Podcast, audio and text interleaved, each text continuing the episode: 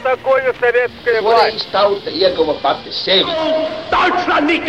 Liktenīgas nejaušības un slēptas likumsakarības, subjektīvas patiesības un objektīvi aizspriedumi.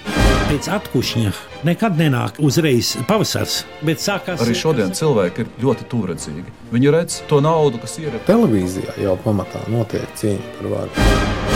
Pagātne no šodienas skatu punkta un šodienas caur pagātnes prizmu. Raidījumā šīs dienas acīm. Katru svētdienu Latvijas radio eterā Eduards Liniņš. Labdien, cienījamie klausītāji! 18. martā apritēs simtā gadsimta kopš 1921. gadā Rīgā tika parakstīts miera līgums starp Poliju un Padomju valsti, kuru pārstāvēja gan Padomju Krievijas, gan Padomju Ukrainas delegācijas. Par Rīgas miera līgumu mana šodienas saruna. Mans sarunbiedrs tiešsaistē - vēsturnieks Latvijas Universitātes profesors Ēriks Jēkabsons. Mēs varētu iezīmēt uh, vispirms to militāro situāciju tajā brīdī, kad uh, sarunas Rīgā sākas.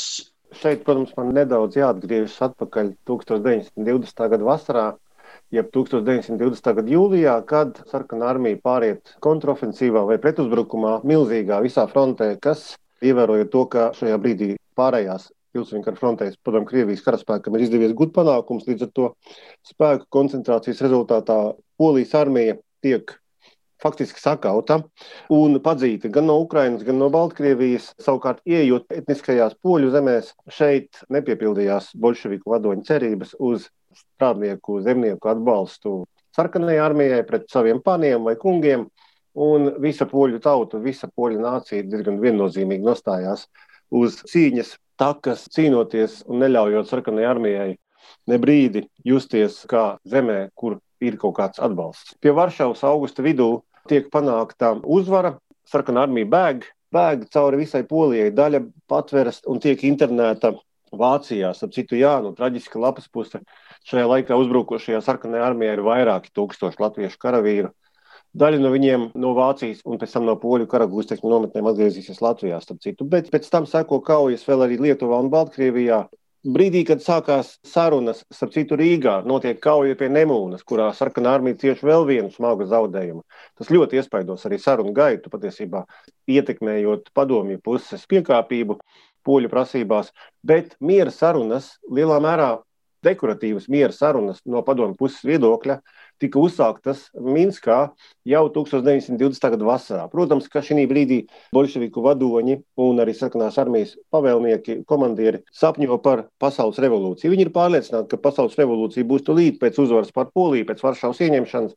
Un, ap citu, būtībā diezgan atklāti arī Latvijas puses pārstāvjiem tiek deklarēts, ka nu, gadījumā, ja būs uzvara sarkanajai armijai pie Varšavas, arī jūs nepaliksiet neatkarīgi. Citu Rīgas ārlietu ministrijā, Rīgas valdības sēkā to labi zina.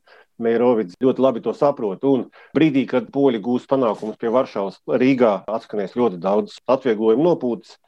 1920. gada vasarā poļu padomju miera sarunas, tā saucamās, Minskā ir absolūti nesekmīgas. Padomju delegācija šeit vada latviešu komunists Daniševskis. Tieši viņa nepiekāpīgo prasību dēļ polijas delegācija spiest Minsku pamest.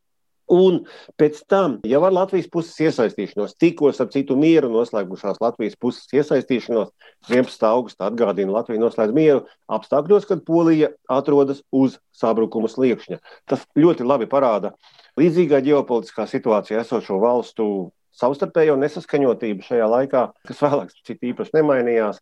Un tā rezultātā Latvija par katru cenu mēģina nopirkt sev šo neatkarību, kaut vai juridisku, apzinoties, ka gadījumā, ja Polija kritīs, tāds pats liktenis visticamāk sagaidīs arī Latviju, ko starp citu padomu mieru delegācijas pārstāvi, tas pats Jofe, kurš citur ir klāt arī Polijas sarunās ar padomu Krieviju Rīgā vēlāk, diezgan atklāti jau runā. Viņš runā patiesībā absolūti nediplomātiski, kaut vai miera sarunu banketā 11. augustā. Viņš ir pārliecināts par to, ka tūlīt Varšava kritīs. Nu jā, bet šī brīdī Polijas puse rudenī, augusta beigās, septembrī, kad padomju spēki ir sakauti, piekrīt Latvijas puses priekšlikumam par vidutājību, un tam piekrīt arī padomju Krievijas pārstāvi, kuri šī brīdī jau ir nobijušies par to, kādas sekas būs masveida tagad jau beigšanai. Būtībā viena sakāva pēc otras seko Polijas frontē, un tas iespaidos šo piekāpību. Līdz ar to arī abas puses dod savu jāvārdu un, zinām, diplomātisku uzvaru Latvijai, nocitējuši varbūt nedaudz pēc atmiņas Latvijas ārlietu ministrijas politiskā ekonomiskā departamenta direktoru Ludvigu Sēju,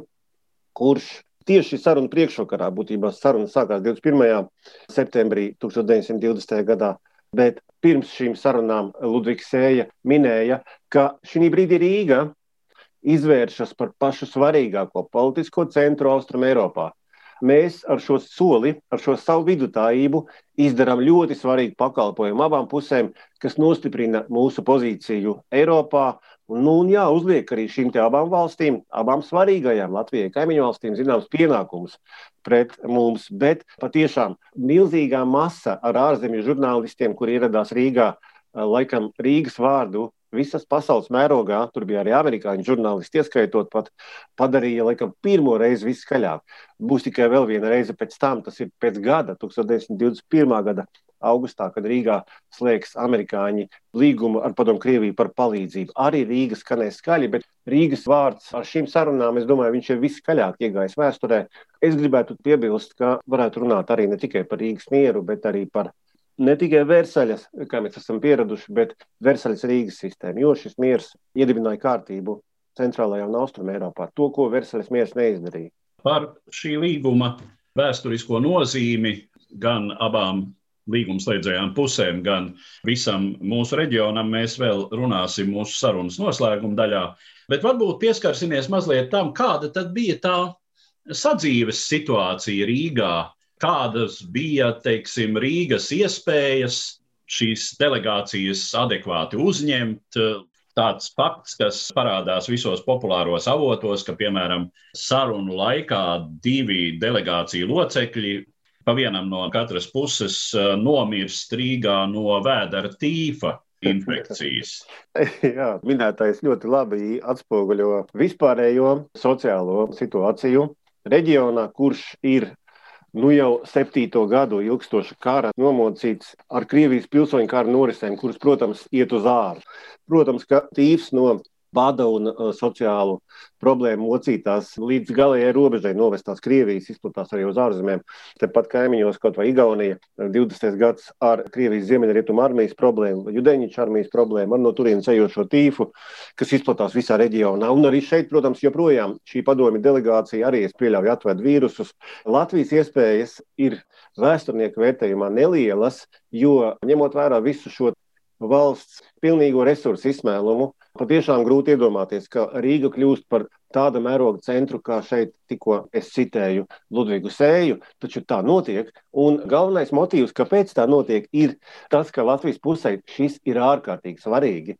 Un vienlaicīgi, protams, sakoncentrējot visas iespējas, Rīga, kurai pirms kara bija brīnišķīga, lieliska infrastruktūra, pateicoties Baltijas guberņu īpašiem statusam, arī Vācu baltiešu faktoram, kurš šeit bija klātsošs ir iespējas patiešām šī 1920. gada rudenī un 1921. gada sākumā, neskatoties uz pastāvošajām problēmām, slimībām, kuras joprojām nav uzveikts, tīfa epidēmija joprojām ir, kaut arī kulminācija ir pārvarēta, ir iespēja nodrošināt attiecīgo infrastruktūru milzīgajām tam laikam delegācijām.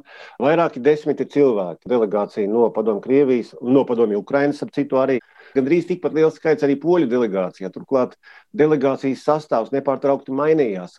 Kuģu satiksme pa sauszemi tas nebija iespējams no Eiropas šī brīdī tieši šī kara dēļ, un citu arī notiekošā Polijas-Lietuvas konflikta dēļ 1920. gada rudenī līdz novembrim noteikti Nebija iespējama cita satiksme kā ar kuģiem.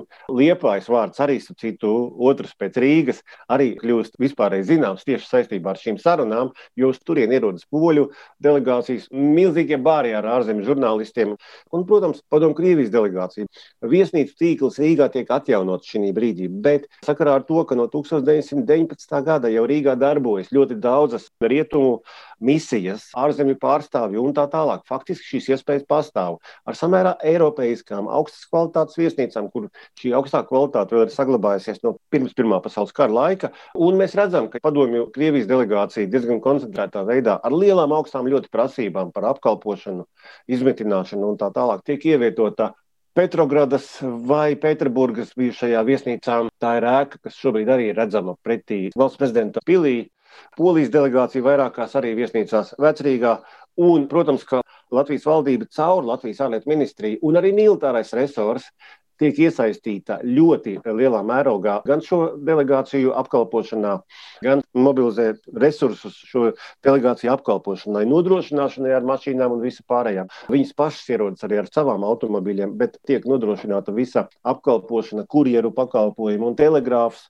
Protams, tas no Latvijas prasa milzīgus, dažkārt nēsošus vai grūti iegūstamus resursus, bet arī finansiālos līdzekļus. Bet šī brīdī tas tiek uztverts kā ne tikai goda jautājums, bet arī ļoti izdevīgs līdzīga situācija, kad sarunu norise Rīgā. Milzīgie ārzemju korespondentu pūļi, kur ir atstājuši ļoti daudz liecības, ko mēs redzam ne tikai presē, bet arī atmiņās par Rīgu.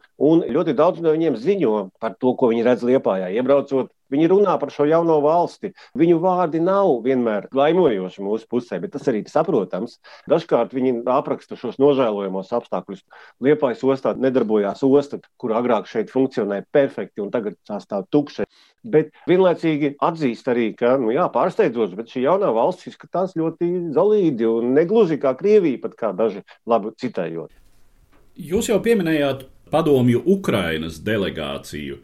Skaidrs, tā ir padomju Ukraina, bet uh, tomēr vismaz teorētiski līdzvērtīgs sarunvedējs.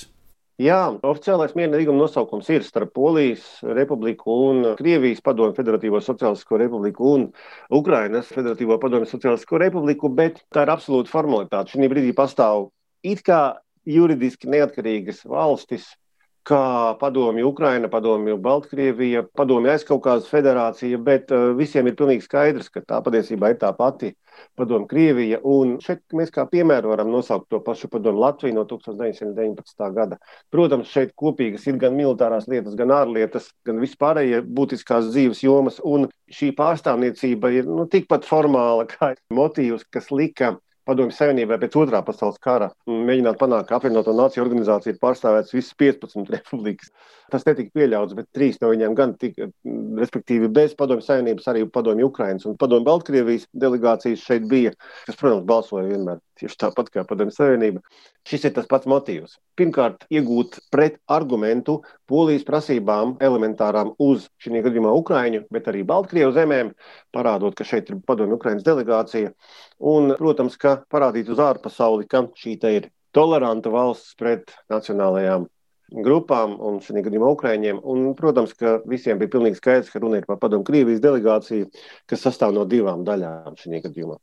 Nu, lai gan jāsaka, padomju Baltkrievijas delegācijas šādās sarunās nav, un uh, tomēr tas, ka Ukraina tur kaut uh, formāli ir klātesoša, tas ir rezultāts uh, tomēr daudz nopietnākajam Ukrainas nacionālā valstiskuma izveidas mēģinājumam, kāds tas bija Pirmā pasaules kara noslēgumā un arī Krievijas pilsoņu kara laikā. Neveiksmīgam mēģinājumam, kā zināms. Bet um, vispār pastāv šī tēze, ka Polijas delegācija pret padomju Krievijas delegāciju šais sarunās spēlē kā amatieri pret profesionāļiem. Respektīvi, Polija diplomātiskajā frontē zaudē tos ieguvumus, kurus tai ir izdevies gūt militārajā. Cik šāds uzstādījums ir atbilstošs patiesībai?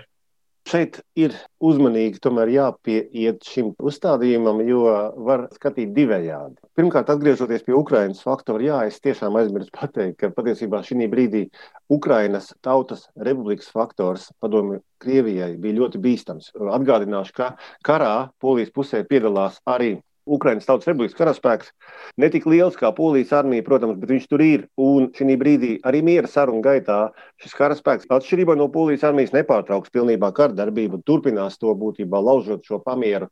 Bet fakts ir, ka šis arī tiek uztverts un īpaši uzsvērts kā viens no Polijas ne tikai delegācijas, bet vispār valdības zaudējumiem attiecībās ar savu sabiedroto Ukraiņas Tautas Republiku pieļaujot vispār šo padomju Ukraiņas delegāciju sarunās, jo to Ukraiņu pārstāvi uzskatīts par līguma laušanu, kas ir noslēgts aprīlī starp Polijas valdību un Ukraiņas Tautas Republikas valdību par sadarbību. Polijas valdība pieļaujot sarunās, pēc padomju puses ļoti diplomātiski gudras prasības, pieļaujot šo delegāciju, jau būtībā ir nodevusi savu sabiedroto. Nu, jā, daļēji tā tas tiešām ir, bet Polijai īpašas izvēles šajā gadījumā nebija. Ievērojot padomju puses nu, ļoti apdomātu, apsvērtu prasību, kuras viens no mērķiem, protams, bija panākt šo lūzumu Polijas attiecībās ar savu sabiedroto. Tādējādi nodrošinot savu galveno politisko mērķi reģionā, nekādā gadījumā nepieļaut šeit nekāda veida savienības, kuras padomi Krievija, nu, līdzīgi kā Vācija, ap citu, uzskatīja par bīstamām sev, saviem nākotnes plāniem. Šī gadījumā, Krievijas gadījumā runājot par pasaules revolūcijas plāniem. Jebkurš saruna partneris padomu Krievijai ievērojot tās nediplomātiskās metodes un absolūtu atteikšanos no starptautisko normu ievērošanas, atzīstot par normu mānīšanos, nepatiesību tik lielā mērogā, ka tas bija pārsteidzoši un visu pārējo tradicionāli Krievijas 20. gadsimta vēsturē mēs to redzam. Un nevienai delegācijai, kura bija pretī šī gadījumā, padomu Krievijas delegācijai, pat to visu zinot, kā iepriekš bija grūti aptvert, cik lielā mērā otra puse var melot zināmā mērā šo amatiera faktoru Polijas delegācijas veidolā veido vēl viens būtiskāks faktors. Ja tas, ka Polijas valdībā un delegācijā ir atšķirīgi viedokļi par to, kā tai jābūt Polijai nākotnē, robežās, teritorijā, Polijas politiskajā elitē, šajā laikā dominē divas teritoriālās koncepcijas. Viena ir tā sauktā inkorporatīvā koncepcija, kuru pārstāv ļoti spēcīgs politiskais faktors, nacionālajie demokrāti, un otra ir tā saucamā federatīvā koncepcija, kuru pārstāv Juzefs Pilsudskis, polijas valsts vadītājs un polijas armijas vēl ar vienu. Arī virspavēlnieks, kurš saka, ka mums ir jāveido ar mums draudzīgu valstu savienība šī reģionā. Protams, viņš nesaka to skaļi, bet viņš tā domā. Polija šeit būs līderis, vecākais brālis.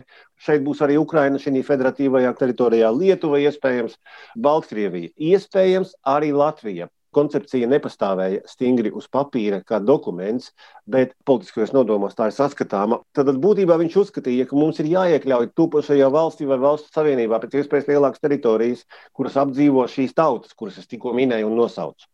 Savukārt, nacionāla demokrātija, kuri bija antisemītiski, kuri bija nacionālistiski un pat, es teiktu, ļoti šovinistiski, uzskatīja, ka Polijā patiešām ir jāiekļauj ļoti daudzas no pirms Polijas dalīšanām pastāvējušajām zemēm līdz 18. gadsimta beigām, bet tikai tādas, kuras varēs pārpoļot.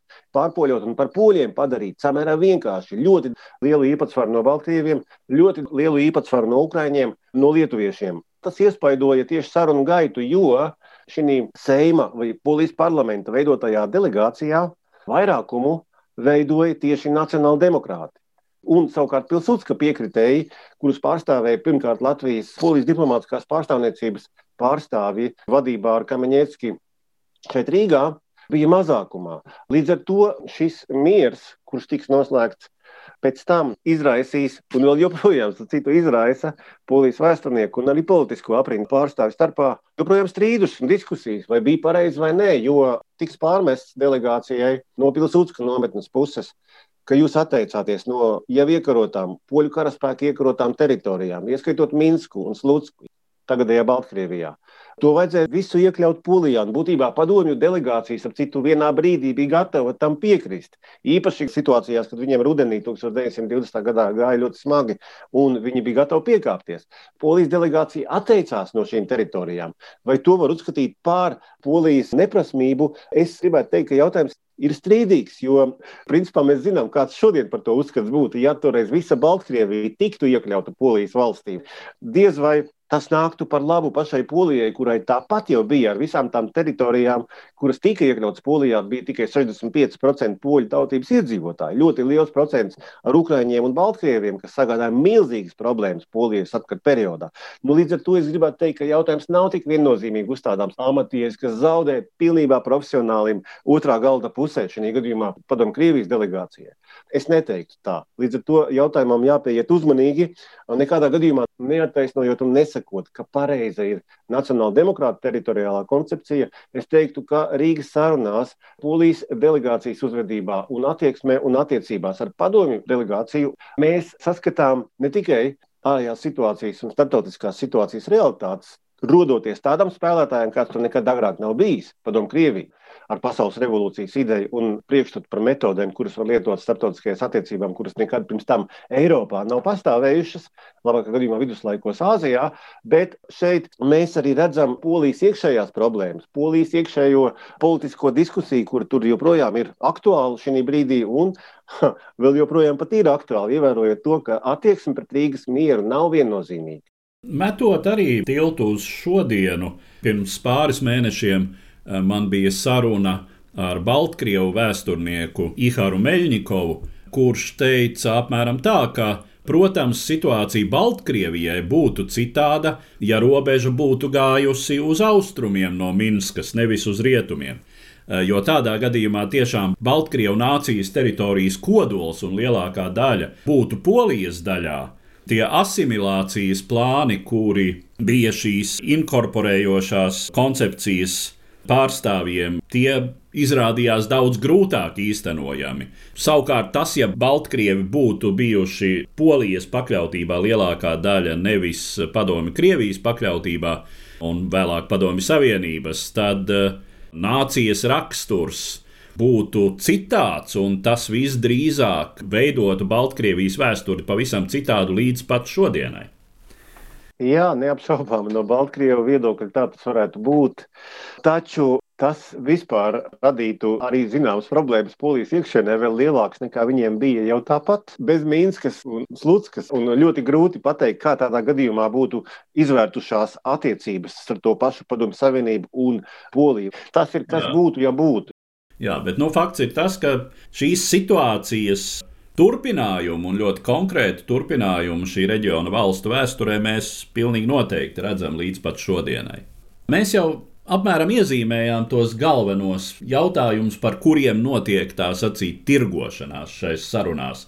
Bet vēlreiz tātad, kādas ir vienas un otras puses vēlmes un kā tās izdodas īstenot. Pirmkārt, padomu Krievijai šī brīdī ir svarīga atelpa, miera noslēgšana, lai varētu nostiprināt savu iekšējo situāciju brīdī, kad padomu Krievijā valda bats, slimības un vispārējais, lai varētu sagatavoties tālāk pasaules revolūcijas idejas attīstībai.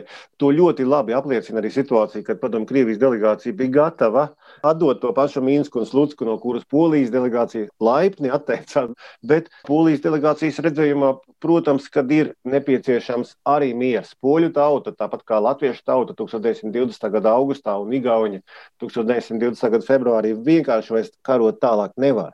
Ir nepieciešams miers, to prasa nācija, to prasa zemnieki, strādnieki, inteliģents, vispārējie. Un tas arī ir šis galvenais motīvs, kāpēc sarunas vispār notiek. Šis miers ir ne pirmais reģionā šajā laikā, kā mēs zinām, pirms tam bija Igaunija, Latvija, Lietuva un arī Somija septembrī 20. gadā, bet Latvija un Igaunija drīzāk, varbūt Lietuvā ir specifiska situācija, tomēr ir tās labs piemērs, kurš, es domāju, kalpoja šī līguma sastādītājiem, juristiem abu pušu, un principā nosacījumi ir līdzīgi, tikai varbūt šeit vairāk ir runa par to, ka abas puses atsakās no savstarpējām pretenzijām, bet kompensācijas, kultūras vērtību atdošana, viss, kas ir izvests uz Krieviju no Polijas teritorijas, 772. gada vai pirmās polijas dalīšanas, kad daļa no bijušās Žeča pospolitas, ieskaitot Latgali, nonāk Krievijas impērijā. Nav skaidrs, vai šeit ir runa arī par Latgali vai par jaunizveidoto poliju. Tas nav atrunāts precīzi, diemžēl, bet fakts ir pavisam īsumā runājot, ka tikai nelielu daļu kopumā līguma punkti netika izpildīti, bet tas, ka abas puses atsakās no savstarpējām pretenzijām, ir ļoti līdzīgi tam, ko mēs redzam arī Latvijas un Padomu Krievijas mieru līgumā, Igaunijas un Padomu Krievijas mieru līgumā Tas ir eh, acīm redzot svarīgākais patiešām Polijai, gluži tāpat kā Latvijai un Igaunijai šai brīdī. Bet, eh, ja mēs runājam par šī līguma vēsturisko nozīmi un to, kā tad vēlreiz tas veidoja šo politisko karti tā brīža Austrumēropā. Tas ir tas, ko es jau sākumā iezīmēju nedaudz. Versaļas miera līgums noslēdza kārdarbību Rietumē Eiropā. Austrum un Centrālā Eiropā tā turpinās vismaz līdz šim 1921. gada martam. Es nerunāšu to, kas notiek pašā padomu Krievijai iekšienē. Un faktiski šis miers pabeidz starptautiskās sistēmas veidošanos. Nācijām, kurām tā ir nepieciešams miers un atelpa, pēc kara, kas ilgst un turpinās Centrālajā un Austrumē Eiropā no 1914. gada. Es pilnībā pievienojos profesoram Strangam, kurš uh, runā par Versaļas Rīgas sistēmu. Pilnīgi pareizs termins, ka Versaļas un Rīgas miers ir tie galvenie divi juridiskie akti. Ir vēl vairāk citi, bet nu, šie divi ir galvenie, kas veido starpkara periodā pastāvējušo starptautisko sistēmu Eiropā. Un Rīgas vārds tur ir pilnīgi vietā. Būtībā šis miers panāk to, ka valstis centrālajā un austrumē Eiropā sāk normālu, juridiski vismaz normālu tiesisku dzīvi, attiecības ar kaimiņu valstīm. Pilnvērtīgs, līdzvērtīgs, cerībā, ka varbūt mainīsies arī padomu Krievija, topošā padomu savienība, un šī valsts dabiskā veidā pārveidosies pateicoties NEP politikai, kas šī brīdī tiek pasludināta Krievijā, un mēģinājumiem kaut kādā veidā atjaunot ekonomiku normālu, patiešām skan ticami, šis līgums to vēl vairāk pastiprinās. Būtībā rietumu lielvalsts sāk skatīties uz padomu Krieviju kā uz eventuālo politisko un, protams, pirmkārt arī ekonomisko partneri nākotnē. Un tad aizsākās šis starpkara divus desmitus gadus ilgušais periods, kurš 20. gados īpaši šķita, ka dzīvojam pa jaunām, attiecības pa jaunām ar Krieviju, šeit ir izveidojusies virkne jaunu valstu. Šis Rīgas miers ir ārkārtīgi būtisks tieši starptautiskās sistēmas veidošanā. Es varbūt pavisam īsi pateikšu to, ko Meirovits teica atklāšanas sēdē. Latvijas ārlietu atklāja tādu sēdi, kam ir patiešām pasaules nozīme. Un viņš saka, ja visām pasaules tautām miers nepieciešams, lai ķertos pie tā uzbūves, kas uzsītībā celts no veselām paudzēm un ko karš izpostīs dažos gados, tad miera atjaunošanai Austrum Eiropā vēl daudz plašāka nozīme. Jo te ieinteresētas nevien karojošās zemes un viņu kaimiņi, bet visa Eiropa. Ikdienas jau vairāk novērojams, ka mūsu kontinentu apdzīvojošās tautas saimnieciskā ziņā ir viens vienīgs organisms, kura veselībai un nokārtotām funkcijām visu daļu kopdarbība nepieciešama. Tautas gaida, ka no šīs konferences izplūdīs spilgtas gaismas stari un beidzot izkliedēs nakts tumsu, kas jau kopš sešiem gadiem nolaidusies pār visu pasauli un sevišķi sabiezējusi šī Eiropas daļā. Savukārt, nobeiguma runā viņš arī noslēdza pēdējo sēdi, kurā tika parakstīts miera līgums. Viņš izteica pārliecību, ka notikumam ir ļoti liela nozīme visas Eiropas mērogā, un tas atklāja jaunu posmu Austrumēropas un, jā, īpaši Baltijas valstu vēsturē. Latvijā arī ar milzīgu atvieglojumu nopūtās, ka tiek parakstīts miers. Protams, Latvijas situācija atšķiras šajā gadījumā. Pirmkārt, no Lietuvas. Lietuva šī brīdī arī norisinoties sarunām Rīgā karo ar faktiski ar Poliju, no nu, oficiāli ar Viduslietuvu. Līdz pat novembra beigām karš, pēc tam ir nepieteiktais karš ar retiem šāvieniem uz robežas vai uz demarkācijas līnijas turpināsies 18 gadus, līdz pat 1938. gada martam. Bet lietuvieši, protams, šo raugās kā uz sava galvenā ienaidnieka sarunām ar eventuālo partneri. Polija ir viņa galvenais ienaidnieks šī brīdī, viņas dēļ. Man šeit nav laiks iedzināties sīkāk šajā stāstā, bet es gribētu īpaši uzsvērt to, ka ne jau tikai Baltkrievi uzsver to, ka Polija ir galvenais agresors. Daļa no Baltkrievijas politiķiem joprojām tā uzsver šī brīdī, 1921. gadā, ka tieši Polija ir galvenais agresors. Kā šo miera līgumu šobrīd? Vērtē galveno iesaistīto pušu historiografiju, proti, Polijas un uh, pašreizējās Krievijas, kas sevi lielā mērā uzlūko un pozicionē kā toreizējās padomju Krievijas eh, mantinieci un turpinātāji. Šodien šis uzskats Polijā par mieru tiek vērtēts neviennozīmīgi, taču kā ļoti būtisks neatkarīgajai Polijai vai Polijas republikai juridisks akts, kurš izveids kardarbību un ļauj uzsākt mierīgu dzīvi. Demobilizēt armiju, sākt atjaunot iekšējo dzīvi, apvienojot šīs trīs pirms tam dažādās impērijās esošās poļu apdzīvotās teritorijas. Tad tas ir posms ļoti būtisks, ja ne būtiskākais posms Polijas karā par robežām, kā viņi to dēvē, vai šis karš par neatkarību. Savukārt Krievijā, protams, tiek uzskatīts, ka šis līgums, protams, nav uh, juridiski saistošs mūsdienās tieši tādā pašā veidā, kā gadījumos ar citām republikām. Vienlaicīgi tiek atzīts, ka tas deva iespēju patam Krievijai uzsākt dzīvi miera laikā, tad atbrīvot tautu no šī kara apstākļiem, ļauj cīnīties ar badu, būvēt nepu un tā tālāk. Vairākus gadus atpakaļ iznāca grāmatā kopīgs Polijas un uh, Krievijas vēsturnieku darbs Aizmirstais miers Tas izsaka lielā mērā atšķirībā no kara par kuru runā daudz, par Varšavas kaujām runā arī rietumu vēsturnieki, bet par šo mieru, Rīgas mieru, nu, viņš kaut kādā veidā bija aizmirsts. Rīga un sociālistiskā polija pēc kara atradās noteiktā zonā, par to nerunāja. Līdz ar to viņš ir kaut kādā veidā aizmirsts. Bet laik pa laikam tomēr vēsturnieki viņu paceļ. Un tas, ko mēs šeit eh, minējām, gan lietuviešu, gan baltkrievu vēsturnieki, gan arī būtībā jā, Latvija, šis karš neapšaubām ir robeža šķirtne, kura iezīmē visas austrumu un centrālās Eiropas attīstību. Līdz ar to izskan saruna, kas bija veltīta simtajai gadsimtai kopš miera līguma parakstīšanas Rīgā starp Poliju un Padomju Krieviju. Mans sarunbiedrs tiešsaistē bija vēsturnieks Latvijas Universitātes profesors Ēriks Jēkabsons. Uzredzēšanos cienījamie klausītāji! Katru svētdienu Latvijas radio viens par pagātni sarunājas Eduards Liniņš.